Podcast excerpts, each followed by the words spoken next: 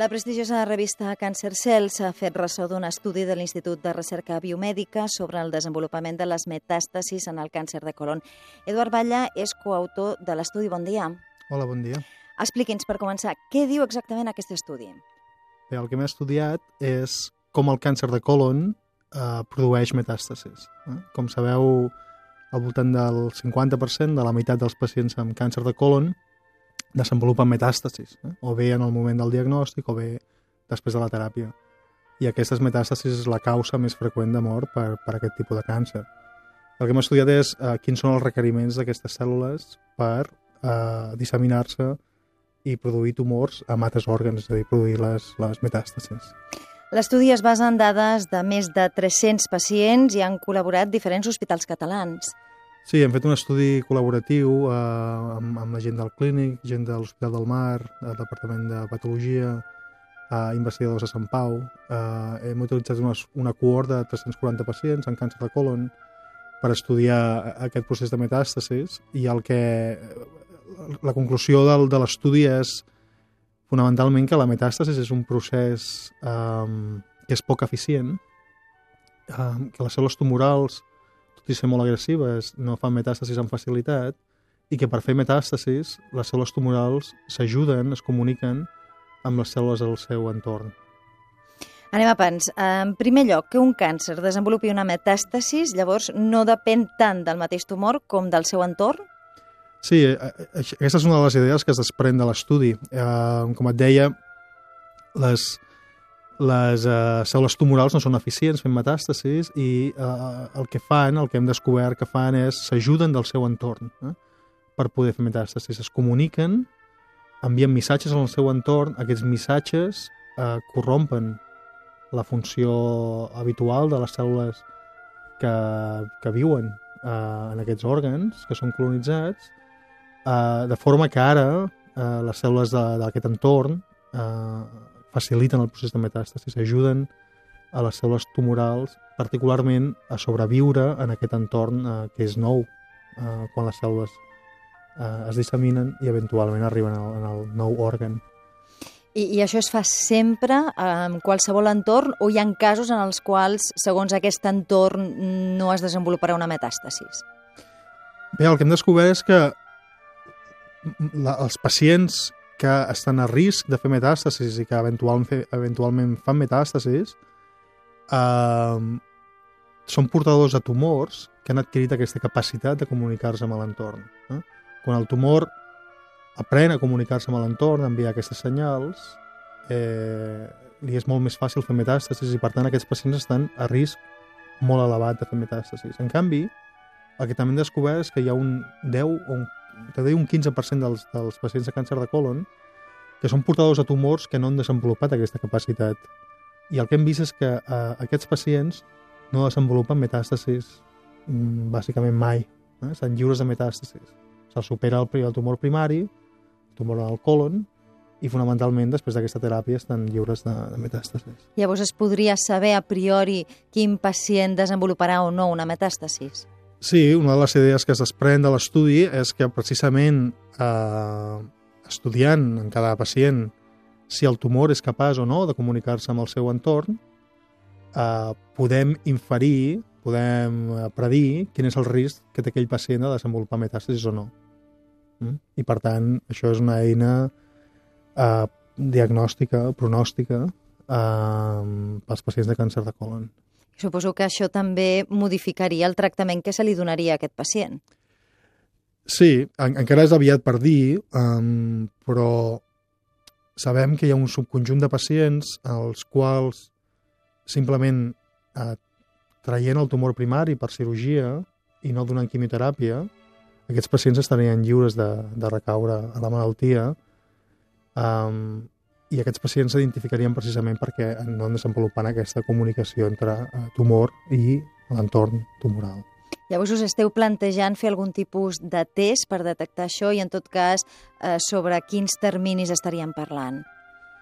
Sí, estem ara mateix, estem ara mateix perdó, eh, embarcats en, en, en intentar eh, desenvolupar un, un kit diagnòstic eh, que permeti justament mesurar de forma fiable aquesta capacitat de comunicació. Un kit que ens digui que aquest tumor és capaç de fer, eh, de comunicar-se o no és capaç de comunicar-se. I, per tant, un kit que donaria un, diguem, un risc eh, per cada pacient. I el plaç que barallem és entre... Bueno, eh, de, depèn del, dels resultats, però entre uns 5-10 anys probablement hi hauria... Podríem tenir un kit eh, comercialitzat que es podria utilitzar als hospitals per fer aquest tipus de prova. Uh, em sembla que en l'estudi també parleu que perquè es desenvolupi una metàstasis cal que dues proteïnes actuïn entre elles. Explica'ns sí. una mica. Sí, a l'estudi eh, té una part funcional eh, el qual hem estudiat els gens les proteïnes que estan implicats en aquesta comunicació.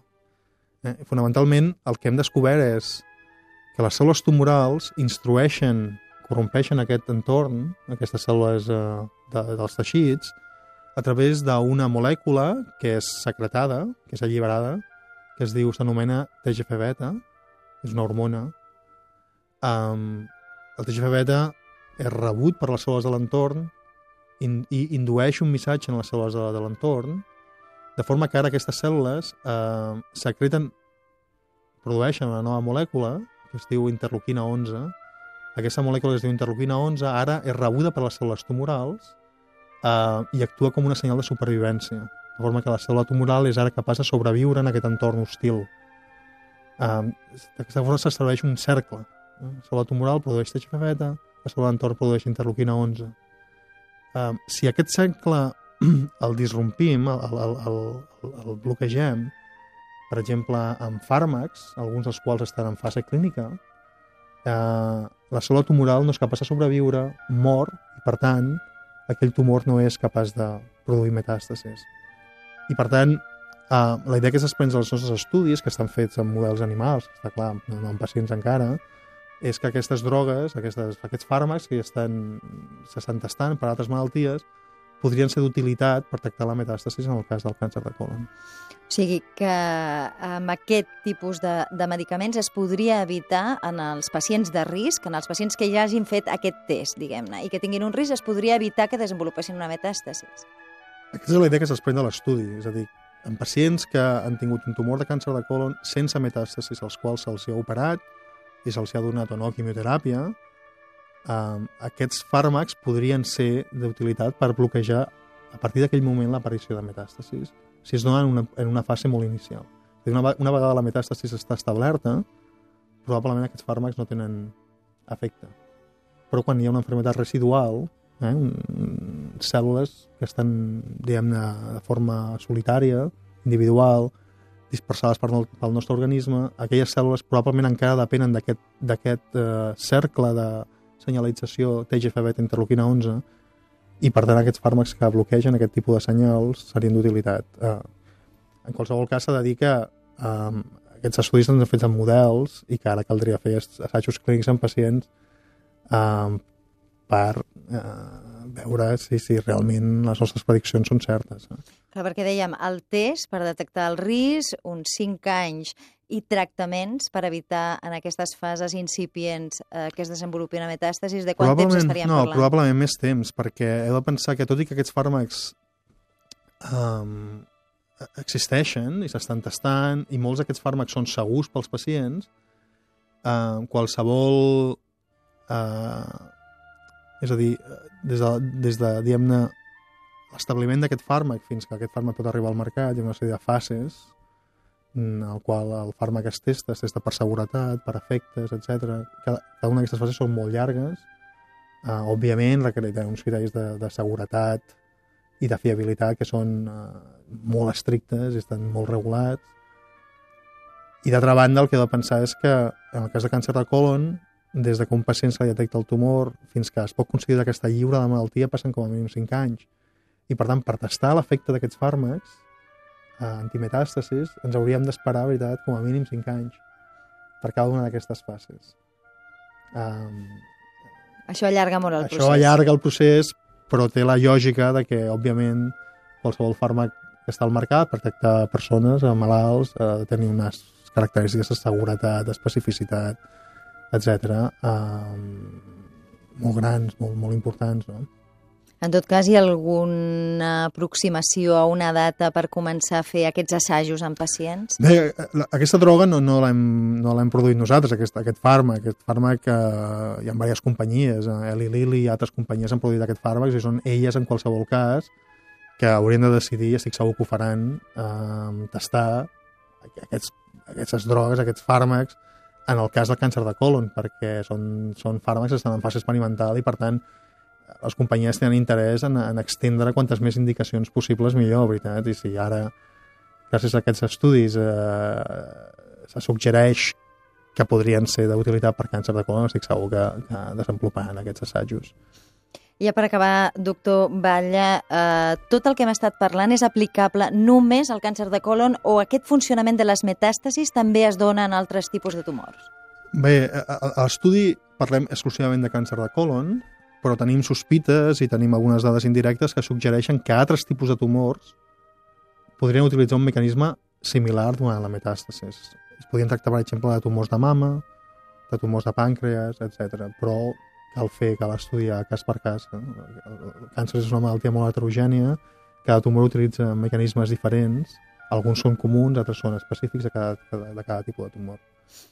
Molt bé, doncs moltes gràcies i felicitats per aquesta troballa tan important que de segur obre una via d'esperança a molts malalts.